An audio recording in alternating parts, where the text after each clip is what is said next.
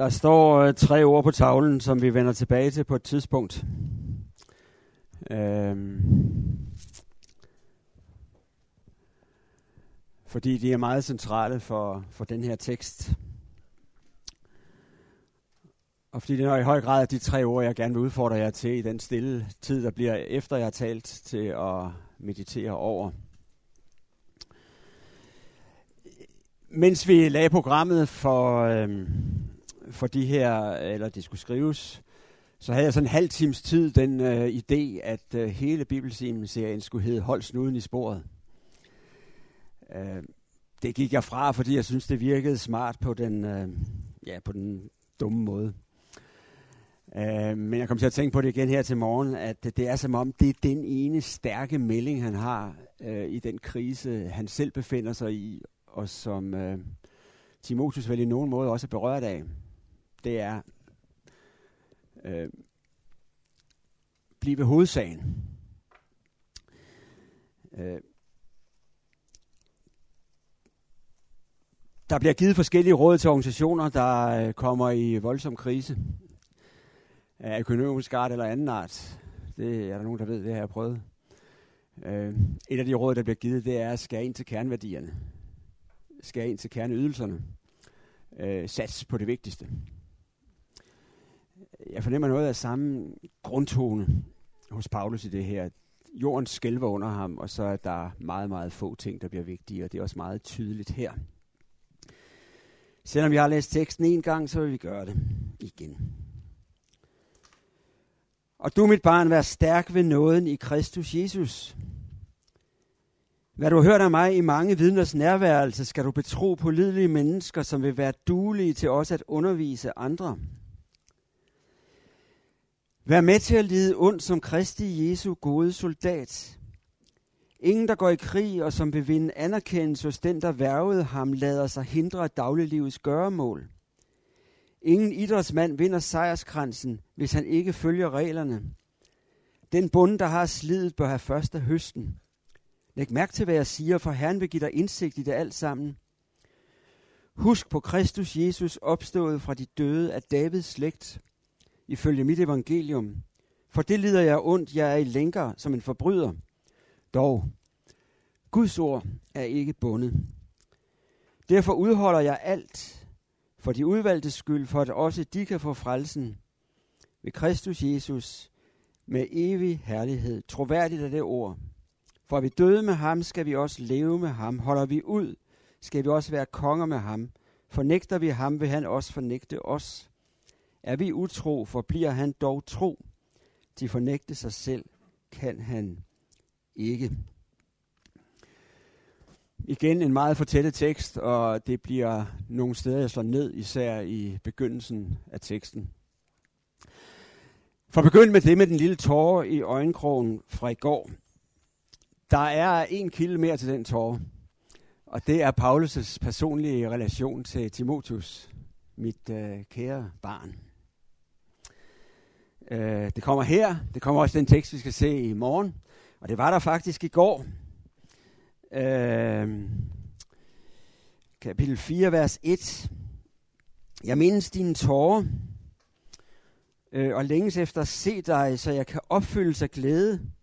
Og jeg husker den oprigtige tro, som du havde, som allerede din mormor Lois og din mor Eunike havde, og som jeg er vist på, at du også har.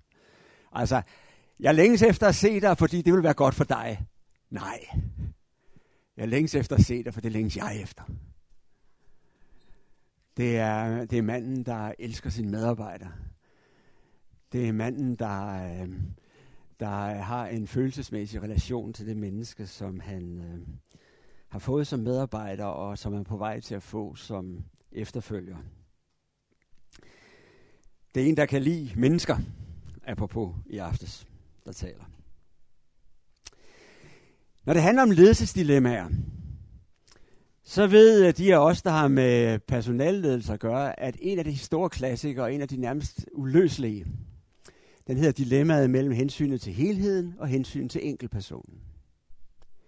Eller hensyn til sagen, projektet og hensynet til enkeltpersonen. Og det er nærmest umuligt ikke at fejle, når de to ting kommer i øh, spil i forhold til hinanden. Og det er nærmest umuligt, at det ikke går ondt. Og det er faktisk sådan, at hvis lederen vælger at sige, at det er helheden, der har forkørselsret, så opleves det meget, meget ofte kynisk og hjerteløst. Især hvis den helhed også handler noget om penge. Øh, det, sådan er det bare, og jeg tror, det, det er en logik, som vi bare er nødt til at leve under. Når det handler om Paulus, så er det ikke så nemt at sætte på model, hvordan han egentlig tænker. Og det er også sandsynligt, at han har øh, følt det, og mm, måske agerer lidt forskelligt fra situation til situation. Den situation, jeg nævnte i går med striden med Barnabas om Johannes Markus, der er det tydeligt, at Paulus giver sagen eller helheden, eller projektet, om I vil. At evangeliet skal nå til dem, der ikke har hørt det endnu. Forkørselsret. Han er bekymret over at tage en mand med, der havde svigtet dem, og havde kun taget en del af rejsen. Og så kommer han til at stå som, øh, som kynikeren. Og det er i hvert fald den tanke, man får, når man læser Apostlenes Gerne kapitel 15. Der er barmhjertighedens søn Barnabas, og så er der altså den der principrytter og øh, overdreven forpligtet missionær, der hedder Paulus. Han udviklede sig? Er han blevet blødere som gammel? Hvad der lige er sket, vi ved det ikke rigtigt. Det kan også være, at det var der hele tiden. Det kan være, at det var der hele tiden.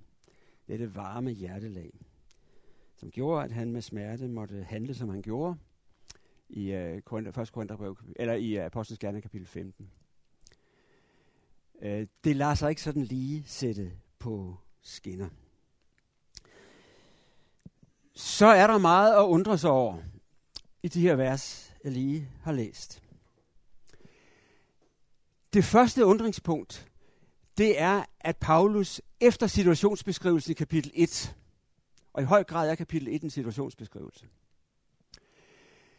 så går han ikke til det, man øh, sådan kunne kalde for en pep-talk, eller en konflikttale, hvor han ligesom beskæftiger sig med de konfliktpunkter, han mærker i forhold til samfundet omkring, eller i missionsarbejdet, eller ind i kirken.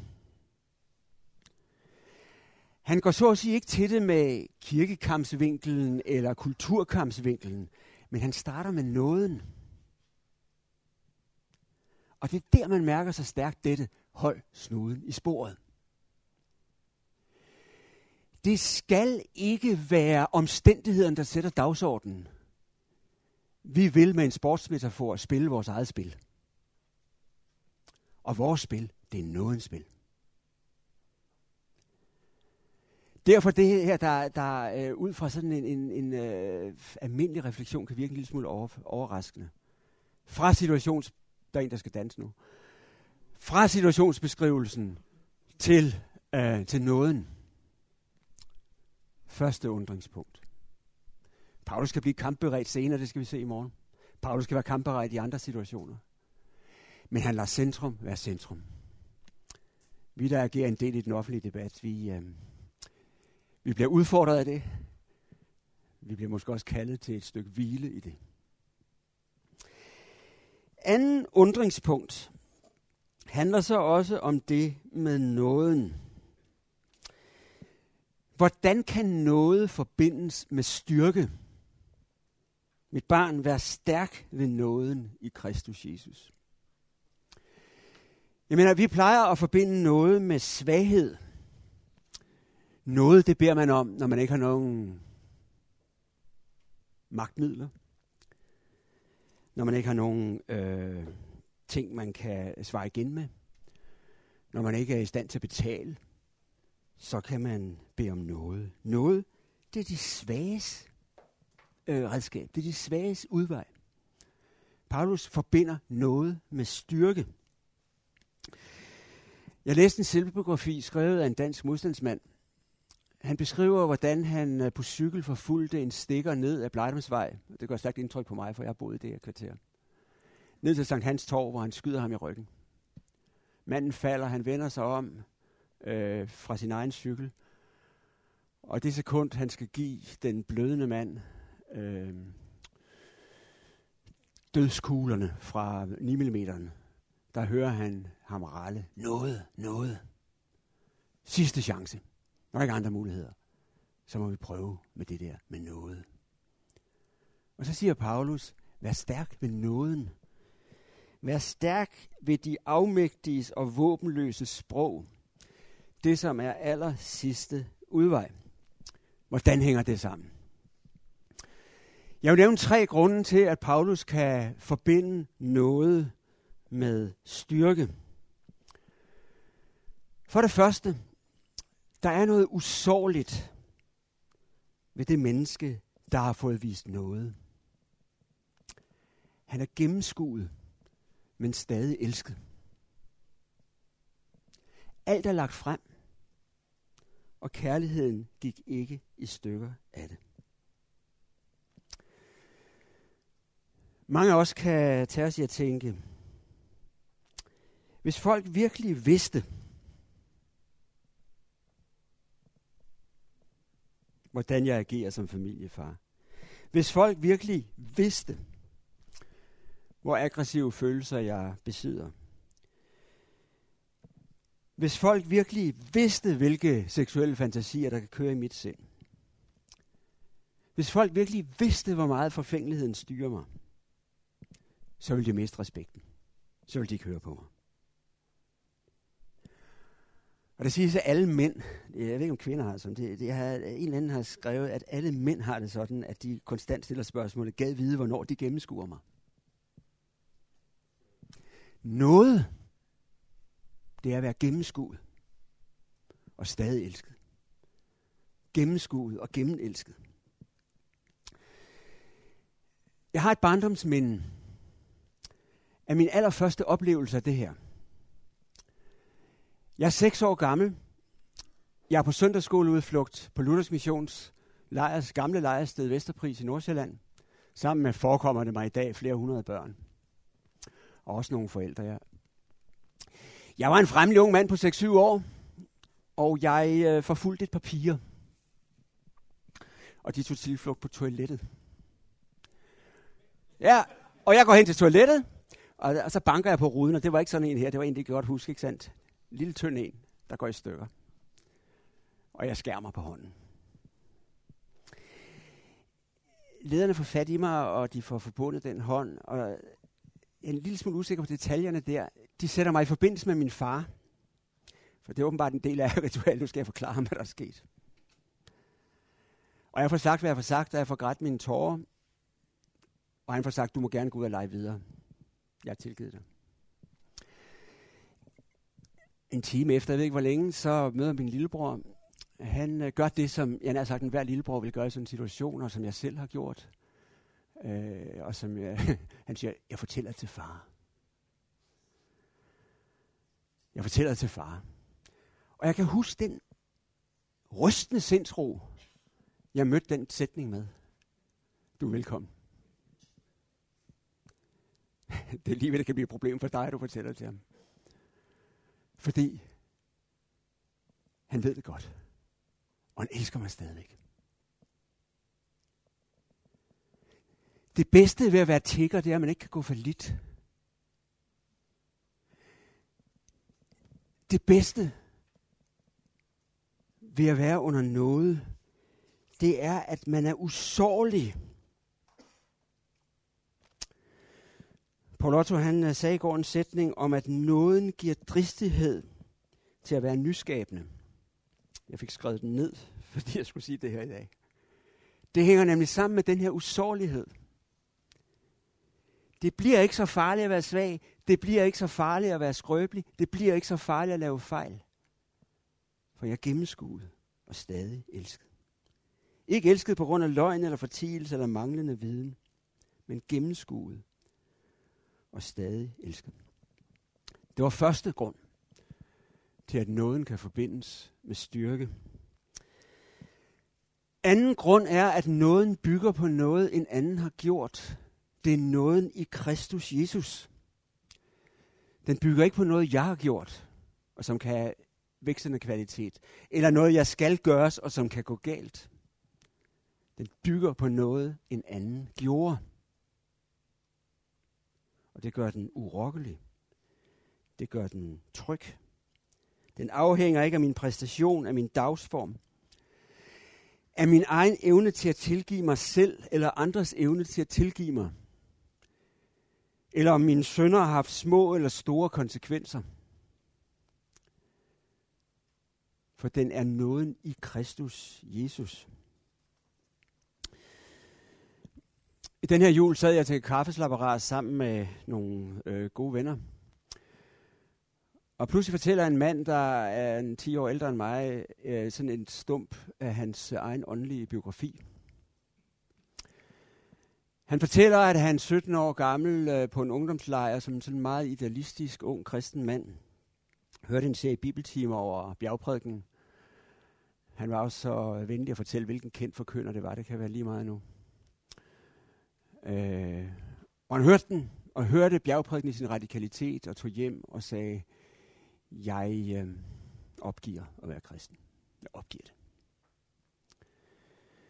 Han kom fra et intermissionshjem, som havde den lidt særpræget historik, at de havde mange kontakter til frikirkemiljøer. Det var ikke så almindeligt. Og i deres hjem, der færdedes der ofte en øh, frelsens officer, der hed Christian Ramil. Det navn har jeg aldrig hørt før, men jeg har googlet ham, det er rigtigt nok. Han eksisterede. Øhm. Og han kommer så nogle måneder efter til hjemmet, og manden, han, øh, han, øhm, øh, øh, Rami begynder så at snakke til, til, øh, til øh, Henning, som han hedder, og så siger han, ved du hvad, øh, og som om at der ikke er intet at hente, og på et tidspunkt, så synes øh, han, at han er nødt til at fortælle, øh, hvordan tingene hænger sammen. Jeg har opgivet at være kristen. Og så ser Ramil på hende, og så siger han, jeg har længtes efter det måske. Nu er du nødt til at stole på Kristus. Og det var sjovt at møde sådan en rosiniansk forkyndelse fra en frelsens officer. Det var også derfor, han gerne ville fortælle mig historien. Rosenius siger, hvis ikke din kristendom holder, så holder din Kristus. Nåden kan jeg hvile på, fordi den bygger på noget, en anden gjorde. Tredje grund til, at nåden kan forbindes ulogisk med styrke, det er, at nåden holder i evighed. Nåden i Kristus. Det er fuldstændig elementær menneskelig erfaring, at det vi ejer, det kan vi tage med os. Alt andet, det er til låns, det må levere igen. Det gælder for det allermeste af det, vi i dag kalder vores ejendom, hvad enten vi taler om det som fysiske ting, eller åndelige ting, eller relationelle ting, at vi har dem til låns for en tid. Senest ved en dødsdato, så er der udløb. Jeg er generalsekretær for en tid, mellem ansættelse og en fyring, eller et sygdomstilfælde af et dødsfald eller en opsigelse – vi præster og sekretærer og ledere midlertidigt. Vi er sådan set alle sammen overgangsfigurer. En dag holder vi sidste prædiken, sidste udvalgsmøde, sidste artikel bliver skrevet. Talegaverne, indsigten, musikaliteten, positionen. Alt det, vi på en eller anden måde bygger vores identitet på, det varer til en tid, og så er det slut. Og det kan som end være slut længe inden det der dødsfald. Guds børn, Guds venner. Det skal vi være altid.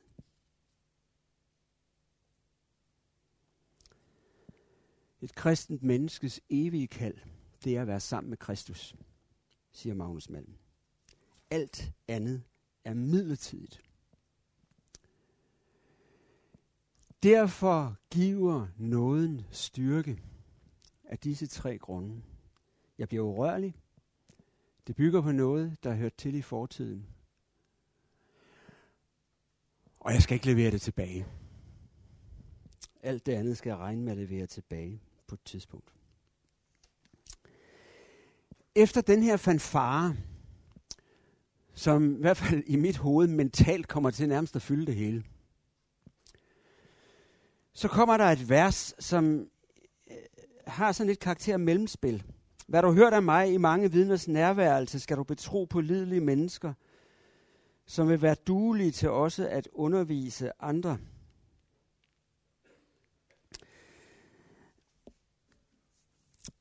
Se, det der er det overraskende ved det mellemspil, det egentlig ikke, at Paulus tænker i at give stafetten videre. Jeg mener, han er en ældre mand. Formodentlig 10 år ældre, end jeg er nu. Øh, der må man tænke generationsskifte, selvfølgelig. Det overraskende er, at han beder en ung medarbejder, måske kun 25 år gammel, hvad ved vi, om at tænke på det fra minut 1. Undervise andre, der kan undervise videre. Tænk i videreførelsen. Tænk ud over din egen næsetip. Tænk på, hvem der skal bære det her videre ud til andre. Den unge leder udfordres til fra første øjeblik at indvige andre i sin opgave. Der er en mærkelig blanding af aflastning og ydmygelse i den bemærkning. Og der er faktisk både aflastning og ydmygelse. Man kan ikke få det ene, hvis man ikke vil tage det andet. Aflastningen, det er du som præst, leder, sekretær, whatever, whatever. Du skal ikke gøre det hele selv. Du kan sætte andre til det. Han indsatte nogen som apostel, andre som profeter, andre som hyrder og lærer, for at gøre de hellige fuldt beredt til deres tjenestegærning at opfylde Kristi læge. Og så er det sådan, at det forstærker faktisk også, det aflaster ikke bare, det forstærker breddevirkningen. Vi kan være flere steder på én gang, når menigheden ikke er et one-man-show.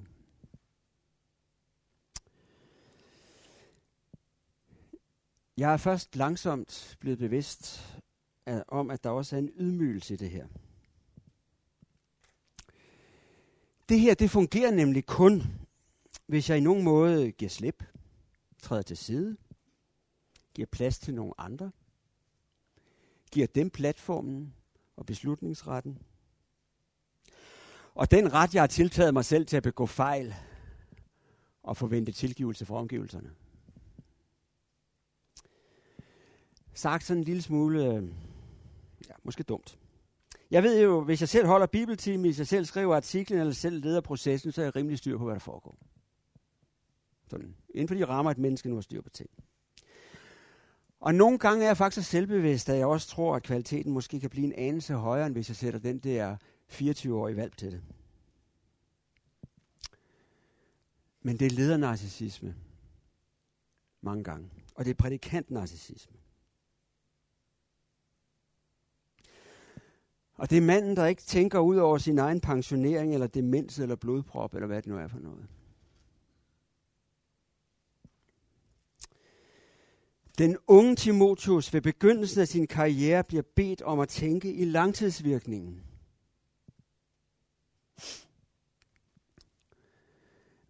Jeg har en anfægtelse på det her punkt. Og så kan jeg nøjes med at have den på egne vegne. Apropos det med at tænke højt fra i går. Og så kan andre jo melde ind og ud på den, som de vil. Under tiden er jeg anfægtet over, om det er sådan, at den generation, jeg er en del af, og vi er nu i 50'erne og 60'erne, har fyldt så meget i de organisationer, jeg arbejdede i, at det har svækket generationen efter, fordi vi har holdt den i skyggen. Måske fordi vi ikke har læst godt nok på det her. Den tanke kan jeg faktisk godt have på tunge dage. At vi har gjort spillet vanskeligt for dem, der er 10-20 år yngre. Parenthes slut. Efter det her mellemspil, kommer der tre hurtige billeder. Billedet af ordets tjener som soldat, idrætsmand og bunden. Det interessante er, at Paulus faktisk ikke broderer særlig meget på de tre billeder. Det kommer meget hurtigt. Og få ord fået til. Men han slutter med en øh, sådan meget meditationsåbnende sætning. øh, i vers 7. Læg mærke til, hvad jeg siger, for Herren vil give dig indsigt i det alt sammen. Jeg vil ikke bøje det i næren for dig, det skal Herren nok gøre. Jeg vil ikke konkretisere det i alle detaljer, det skal Herren nok gøre. Måske siger han også, at du har brug for en konkretisering i dag, du har brug for en anden om tre år. Han har sikkert været selvbevidst nok til at tro, at Timotheus ville bevare brevet. Han tror på Helligåndens egen evne til at applicere. Og Helligåndens egen evne til at anvende det her forskelligt på forskellige mennesker og i forskellige situationer. Og derfor skal jeg også være meget, meget forsigtig med mine konkretiseringer nu. Og jeg prøver så vidt muligt at holde mig i spørgsmålsform. Og så vil jeg udfordre jer til, når vi kommer til eftertankesdelen om lidt. Om lidt, det betyder om et stykke tid. Øh, til at meditere over det her. Måske slå lejr i et af billederne. Så kan det være, at man en anden gang skal slå lejr i et andet af billederne. Og sige, hvad er det, det billede vil sige til mig nu? Soldaterbilledet rejser i hvert fald tre spørgsmål. De fremgår nok så tydeligt af Paulus' ordvalg. Er du reddet til at lide? Jeg talte lidt om det i går, den lidelse, der kommer fra verden og det omkringliggende samfund. Den store, der kan ende i martyret fysisk, og den lille, der kan være slem nok, og bare viser sig i ord, i holdninger og i social udstødelse. Den sidste af Jesus saligprisninger i bjergprædiken er meget interessant på det her punkt. Salige er I, når man håner jer og forfølger jer og lyver jer alt muligt ondt på. For jeres løn skal være stor i himlene. To af dem handler om verbal forfølgelse, og en af dem handler om fysisk. Har Jesus kalkuleret med, at den verbale forfølgelse bliver den, vi kommer til at mærke mest til? Og i hvert fald giver han plads til, at vi har lov til at betragte det som lidelse. Den sociale udstødelse. Ordene, holdningerne, hvad det nu er.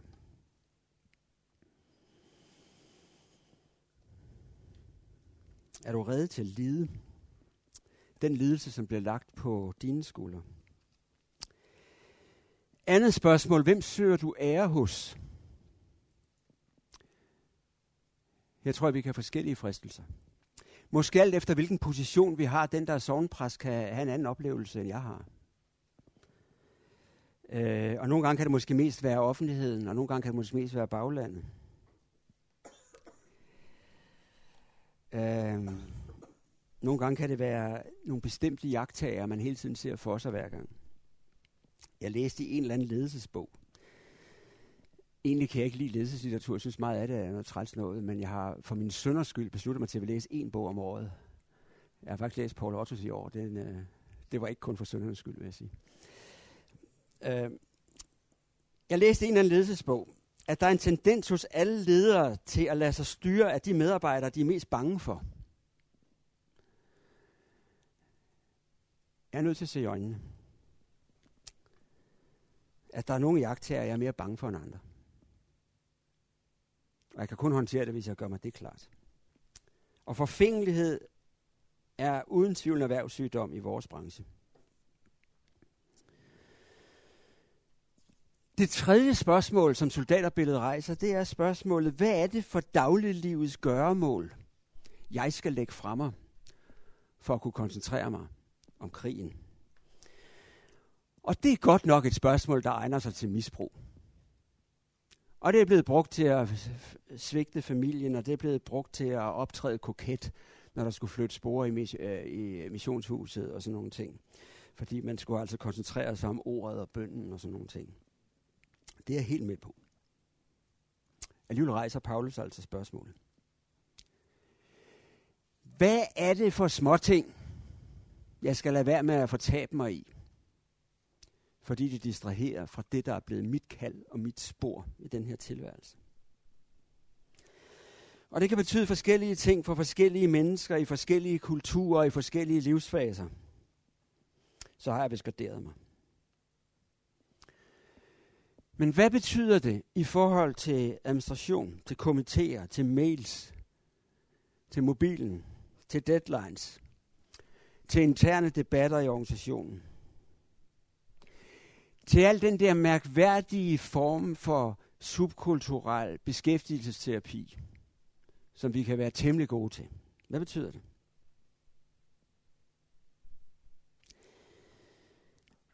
På et øh, KFS-sekretærmøde for mange år siden, hvor Gunnar Elstad underviste, fyrede han følgende temmelig syrede bemærkning af, og generalsekretæren var sandelig til stede, da han sagde det. Den KFS-sekretær, der prioriterer rigtigt, vil formodentlig blive beskyldt for at være doven. Hvad er det for daglige sysler, vi skal lægge fra os? Andet billede, idrætsmanden. Et af Paulus' yndlingsbilleder, som han anvender lidt forskelligt i forskellige sammenhænge. Og nogle steder bruger han det faktisk omtrent som soldaterbillede. Her siger han, overhold reglerne. Det sagde kronprinsen for også lige efter, at han var kørt over Storebælt. Øh, da han skulle give den der pris over i Herning i hans tale. Well, måske ligger noget øh, af det i det samme, eller i forlængelse af det foregående billede, om ikke at lade sig indvikle i dagliglivets sysler. En idrætsmand, en topidrætsmand, må sætte noget til side og være redde til at ofre noget. Vores sekretariatschef på øh, kontoret, hans søn øh, er den hurtigste øh, danske løber i hans aldersklasse, 17-18 år, øh, på mellemdistance. Han fortalte forleden dag over kaffen, øh, eller over frokosten, at øh, de havde været til sådan et møde på et idrætsgymnasium, fordi øh, der kan man få fire år, ikke sandt? og så kan man træne ved siden af, og så tage... Der har været 200 håbfulde mennesker, der er unge mænd og, mennesker og deres øh, forældre. Så var det ellers gået i gang fra Team Danmark. I er 200 her nu. Vi skønner, at 4-5 af jer vil få en medalje ved et OL, EM eller VM. Vi skønner, at cirka to af jer vil kunne leve af jeres sport. Det vi udfordrer jer til, det er et liv nu de næste fire år med 20 timers undervisning om ugen, 20 timers øh, lektielæsning og 20 timers idræt, og så vil lov til at bestemme, øh, hvad I spiser og hvilke fester I går til. Hvor mange af jer vil være med? Det er idrætsmanden, der indretter sit liv på det. Well, det kunne også være en lidt anden vinkel. Det der med reglerne. Det kunne være den regel, undskyld udtryk, jeg kan finde bedre ord nu, end at en ordets tjener må satse på nådemidlerne som sine redskaber. Det er muligt at komme først over målstregen ved at snyde, ved at bypasse et eller andet sted på ruten, eller ved at tage doping. Men man bliver frataget sejrsprisen. Det er måske muligt at skabe vækst ved hjælp af smarte metoder, eller stærk udstråling, eller stærk retorik, eller whatever, whatever. Men det, der bærer på den lange bane, det er de midler, Gud har knyttet sine løfter til. Ordet, dåben, nadveren. For dette budskab skyld er jeg en fange i lænker, men Guds ord er ikke bundet, siger Paulus. Vær ordets idrætsmand. Men nådemidlerne i centrum. Jeg tror, det er de store udfordringer, vi har i den kultur, vi befinder os i. Kirkekultur, vi befinder os i i de her år. Well, der kunne være andre billeder på det. Bunden. Den bunden, der har slidet, bør have først af høsten. Ja, hvad kunne det betyde? Det kunne betyde, spis selv. Spis selv af evangeliet. Nyd det selv. LM's forlag udgav for nogle år siden en fantastisk bog, øh, skrevet til forældre, hvis børn har forladt troen. Rob Parson, Lad lyset brænde. Der står utrolig meget godt i den bog, og det, han er drøn god til one-liners. En af dem lyder, mange mennesker er så optaget af at være forældre, at de glemmer, at det første Gud vil med os, er, at vi er børn hos ham. Man kan skifte forældre ud med præst, generalsekretær, leder. Mange mennesker er så optaget af det, vi skal, at vi glemmer det første Gud vil med os. Det er, at vi er børn hos ham.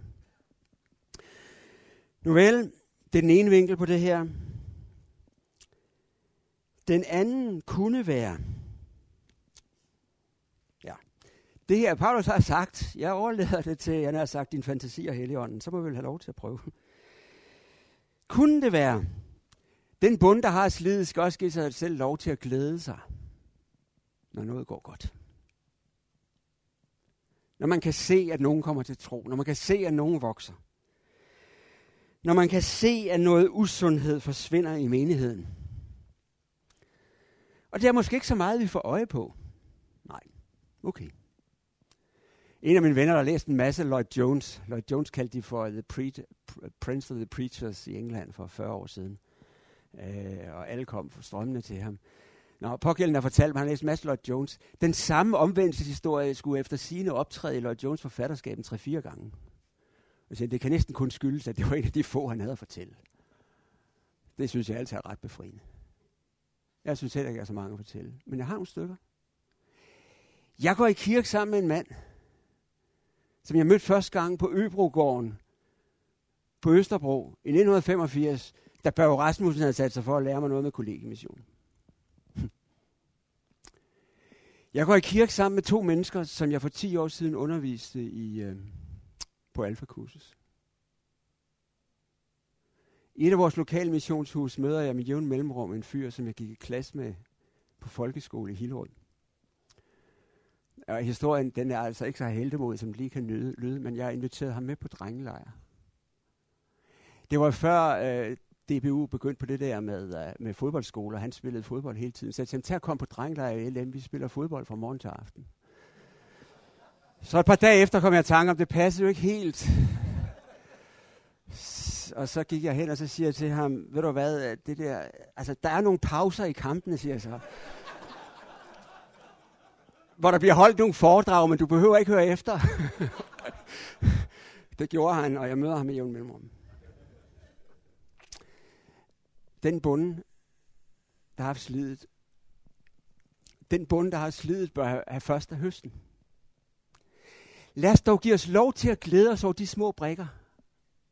Og så kommer der en dag, hvor vi skal se det store billede. Ja, jeg har kun nået halvdelen af teksten. Øhm, men øh, det er her, vi lander. Og så vil jeg nu give nogle minutters stillhed. Må jeg udfordre jer til at øh, meditere over de her tre billeder, måske over et af dem. Og spørge Gud, hvad er det lige, øh, jeg skal tage med mig fra det her billede i dag? Og det skal ikke undre mig, om det er noget helt andet, end det, jeg har hæftet mig ved.